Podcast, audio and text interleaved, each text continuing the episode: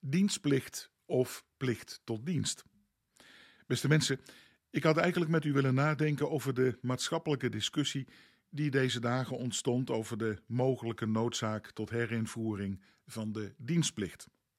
Zowel ingegeven door de oorlog in de Oekraïne, maar ook vanuit de gedachte jongeren te leren zich op sociaal terrein in te zetten voor de medemens en de wereld, dichtbij en ver weg.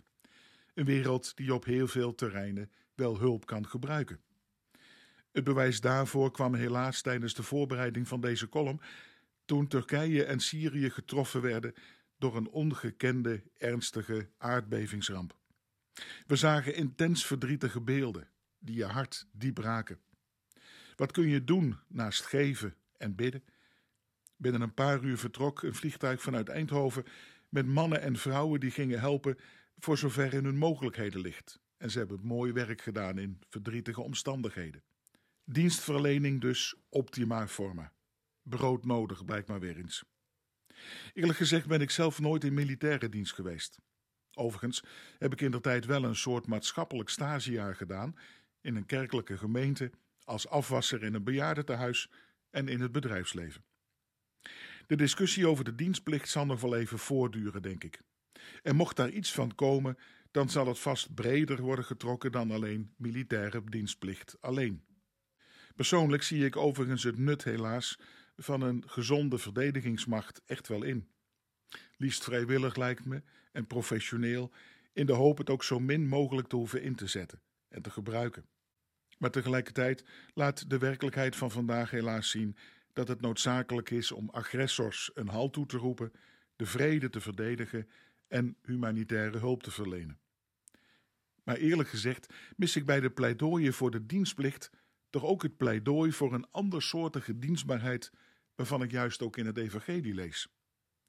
Aan het begin van Jezus' verkondiging nam hij zijn leerlingen mee naar een berg en sprak met hen over wat werkelijke dienstbaarheid in het leven vanuit Gods bedoeling is. Hij leerde hen en ook ons vandaag het leven en ons gedrag te laten inspireren en te toetsen door de werkelijke dienstbaarheid, zoals ook Jezus ons voorleefde. Zijn komst naar deze wereld stond immers helemaal in het teken van dienstbaarheid, diaconie. Jezus noemt dan een aantal facetten van dat werkelijke dienen.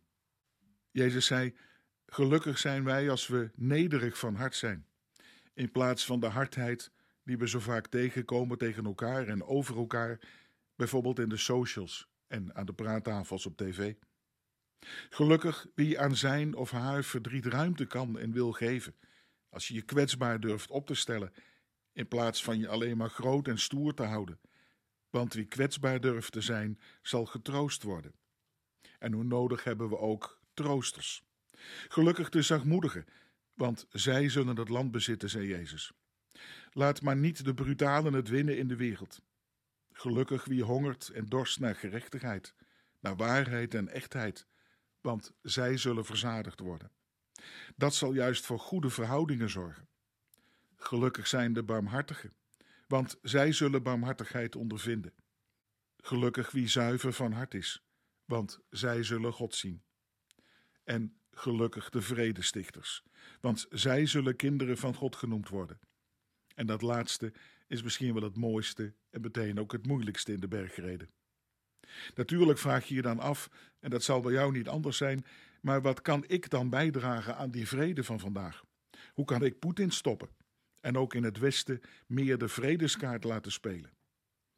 Maar als we ons door Jezus willen laten leiden, die kwam om te dienen en zelfs bereid was zijn leven te geven om de relatie tussen ons en God weer te herstellen, zouden wij dan niet met nog meer inzet de vrede en barmhartigheid moeten zoeken voor deze wereld en voor mensen dichtbij? Voor bijvoorbeeld hulp en geld en gebed voor slachtoffers en familie en hulpverleners in Syrië en Turkije, voor vrede en gerechtigheid in het groot en het klein. Dat is meer dan het invoeren van de dienstplicht, maar een diepe opdracht voor elke dag en voor ons allemaal. Laten we er vandaag maar mee beginnen, zou ik zeggen.